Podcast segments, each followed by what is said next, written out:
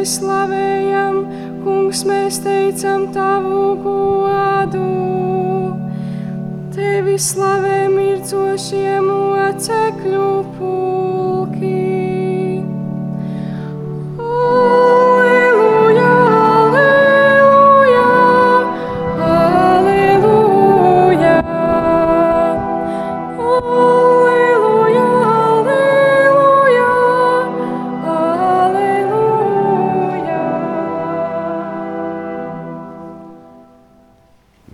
Kungs, lai ir ar jums. Lasījums no Jēzus Kristus evaņģēlija, ko uzrakstījis Svētais Matejs. Tajā laikā Jēzus pastāstīja mācekļiem šādu līdzību.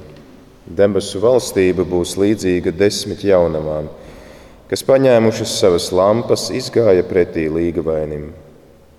Piecas no viņām bija negudras, un piecas gudras. Negudrās paņēmušas savas lampas, nepaņēma līdzi eļļu. Turpretī gudrās kopā ar lampām paņēma traukos arī eļļu. Līgavainim aizkavējoties, visas iesnaudās un aizmiga. Bet nakts vidū atskanēja sauciens: Raug, līgavainis, izejiet viņam pretī! Tad visas šīs jaunavas piecēlās un sakārtoja savas lampas, un negudrās sacīja gudrajām: Iedodiet mums savu eļļu, jo mūsu lampas dziest. Gudrās atbildēja sacīdamas: Lai gadījumā nepietrūktu mums un jums, tad labāk ejiet pie tirgotājiem un nopērciet sev. Bet kamēr viņas gāja pirkt, atnāca līgavainis, un tās, kuras bija gatavas, iegāja viņam līdzi kāzu namā, un durvis tika noslēgtas. Un beidzot atnāca arī pārējās jaunavas un sacīja: Kungs, kungs, atver mums! Bet viņš atbildēja: Patiešām es jums saku, es jūs nepazīstu. Tāpēc esiet nomodā, jo jūs nezināt ne dienu, ne stundu. Tie ir svēto rakstu vārdi.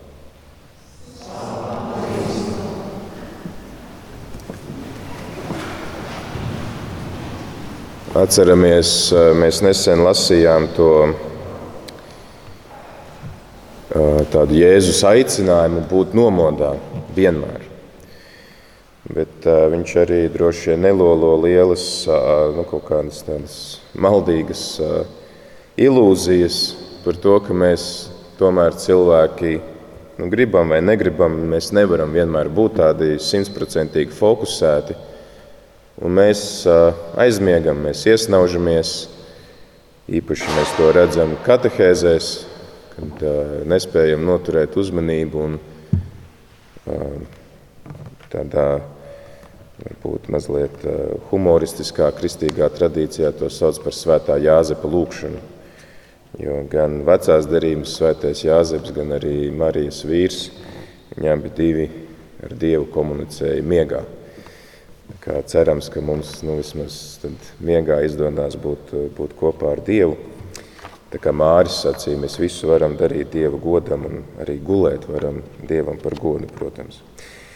Bet šī līdzība arī mums var likties tāda mazliet nu, savāda mūsu kultūrē, jo parasti mēs iedomājamies par kāzām, par laulībām. Tad līgavainis ir tas, kurš stāv pie altāra un viņš gaida līgavu. Un, Nu, protams, ir arī mums neskaitāmas anekdotas par to, ka vīrs prasa sievai, cik daudz laika tev vajag, lai pēc 15 minūtēm būtu gatava un tā tālāk. Tad šeit ir otrādāk. Līgavas jau ir gatavas, ne, bet tas līgavains kaut kur kavējās un nevar saprast, kur viņš ir palicis. Bet tas pirmkārt mums parāda to, ko mēs pārdomājam šajā svētceļojumā, ka mēs esam radīti pēc Dieva attēla un līdzības cik ļoti Dievs vēlas būt tūs katram no mums.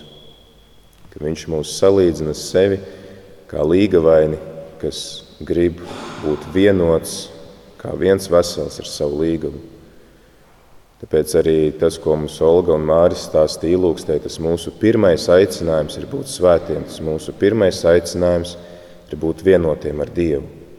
Jā, pēc tam nāk tas tā pavēle, tur vairoties un pārvaldīt zemi, bet pirmais aicinājums Arī tas, ko Māris citēja no Svētā Augustīna, ka Dievs mūs ir radījis vispirms sev. Mūsu sirdis ir nemierīgas, kamēr tās nebūs vienotas ar Dievu. Un tad pēc tam mēs varam skatīties, kā mēs šo svētumu, kā šo vienotību ar Dievu varam izdzīvot savā ikdienā, savā profesijā, tajā sociālajā stāvoklī, ko mēs izvēlamies un tā tālāk. Tad šī te Ja Dievs vēlas būt vienots ar mums, kā, kā, kā laulātais draugs, un mums tad ir jāgatavojas šim sastapšanās brīdim. Protams, pirmām kārtām tas notiek kristības sakramentā, kad mēs tiekam padarīti par Dieva bērniem, kad mēs īpašā veidā tiekam apvienoti ar Dievu, bet tad mēs arī varam domāt no tādas mūžības perspektīvas. Tā dzīve mums ir kā tāds sadarināšanās laiks, kur mēs gatavojamies tai laulībai ar Dievu, tādai pilnīgai vienotībai ar Viņu mūžībā. Un mēs nezinām, kad tas notiks. Mums nav nolikts kaut kāds datums, kā parasti laulāties nu, nu, izdara, un viņi izsūta ielūgumus un, un izvēlās kaut kādu datumu un, un aicina draugus.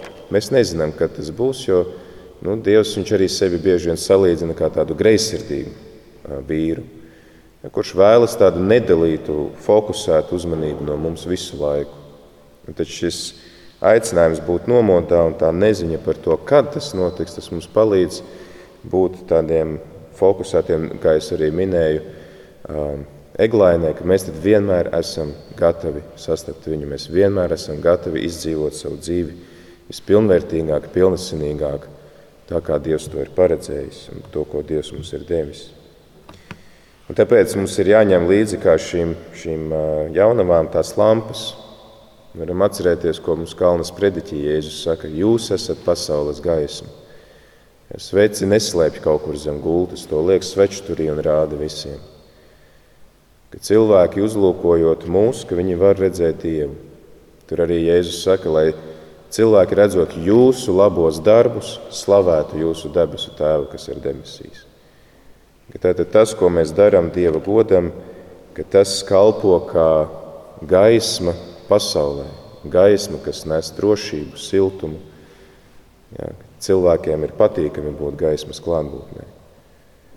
Mēs svētceļnieki esam ļoti uzskatāmā veidā gaisma, kad mēs ejam cauri visām šīm vietām, garām mašīnām, kas mums brauc, ko cilvēkiem, ko mēs sastopam. Tad varam padomāt par to, kādu mēs gaismu rādām, ja, ko šie cilvēki redz, kādas sejas viņi redz vai kādas kādas attiecības viņi redz un tā tālāk. Un mēs redzam, ka arī tad, gan, gan šīm gudrajām jaunavām, kas ieiet debesu valstībā, tad, teiksim, tie būtu tie svētie, līdzīgi kā šīs dienas Terēze no, no Terēze Benedikta no krusta. Jā, man jau jūg visas tās Terēzes, cik viņas ir baznīcā. Um, tad ir tās, kuras neiekļūst. Un kāda tad ir tā atšķirība? Un, ja es saku, vienām ir šī eļļa līdzi, kas ļauj to lampu atkal uzpildīt un aizdegt, un citām nav tā eļļa līdzi. Un eh, kas tad ir tā eļļa? Mēs uh, varam redzēt, ka tātad pirmkārt gan tiem, kas iekļūst debesu valstībā, gan tiem, kas neiekļūst debesu valstībā, mums visiem gadās aizmigt. Mums visiem gadās kādreiz tie brīži, kad mēs neesam nomodā. Tas ir normāli. Arī Pāvests Benedikts 16. savā laikā sacīja, ka svētie nav tie, kas nekad nekrīt. Bet svētie ir vienmēr tie, kas pēc kritiena vienmēr atkal pieceļās kājās un iet tālāk. Un tā eļļa mēs varam arī paraudzīties tās citas Jēzus līdzības vai notikumus no viņa dzīves, kur, piemēram, šis žēlsirdīgais samārietis apkopja ar eļļu brūces tam ievainotiem uz ceļa. Vai, piemēram, šī sieviete, kas ar eļļu svaida Jēzus kājas, tādā veidā paužot savu nožēlu par grēkiem. Tātad eļļa mums kalpo kā tāds tuvāk mīlestības simbols. Un ka mīlestība nevis kaut kāda tāda sajūta, ka man ir jājūtās, ka es mīlu Dievu, vai ka man ir sajūta, ka es mīlu otru cilvēku, bet tuvāk mīlestība, kas izpaužās konkrētos darbos. Mīlestība vienmēr ir konkrēta. Pāvils Francisks to vienmēr uzsver. Mīlestība vienmēr ir konkrēta. Un tā vienmēr kaut ko prasa, tad man atteikt no sevis, lai varētu parādīt šo mīlestību otram. Tātad mēs esam gatavi pirmkārt veikt šos mīlestības darbus attiecībās ar Dievu. Kas ir tās konkrētās manas mīlestības izpausmes pret Dievu? Piemēram, laiks vai kādi upuri, ko es nesu. Protams, taču arī mani tuvāk mīlestības darbi otram, kas esmu gatavs būt otra rīcībā. Bet nevis tā, lai apmierinātu savu kaut kādu vajadzību pēc novērtējuma vai pēc tā, ka lūk, mani pieņem, un tad es uzmācos ar to savu mīlestību otram. Bet es to daru tiešām otra dēļ, aiz mīlestības un cieņas pret viņu. Nevis, ka man pašam no tā paliek labāk. Un, protams, arī mēs varam redzēt šeit sakramentus, kas mums palīdz uzturēt to mūsu uh, kristīgo dzīvi kā liecību pārējiem sakramentus, kas mums palīdz arī celties, kad mēs piedzīvojam šos kritienus, kad mēs iesnaužamies. Tad mēs vienmēr būsim gatavi sastapties ar kungu. Kaut vai pat, ja tas notiks šodien pa ceļam, vai rīt, vai pēc gada, vai pēc 70 gadiem, kā nu kuram Dievs būs lēmis.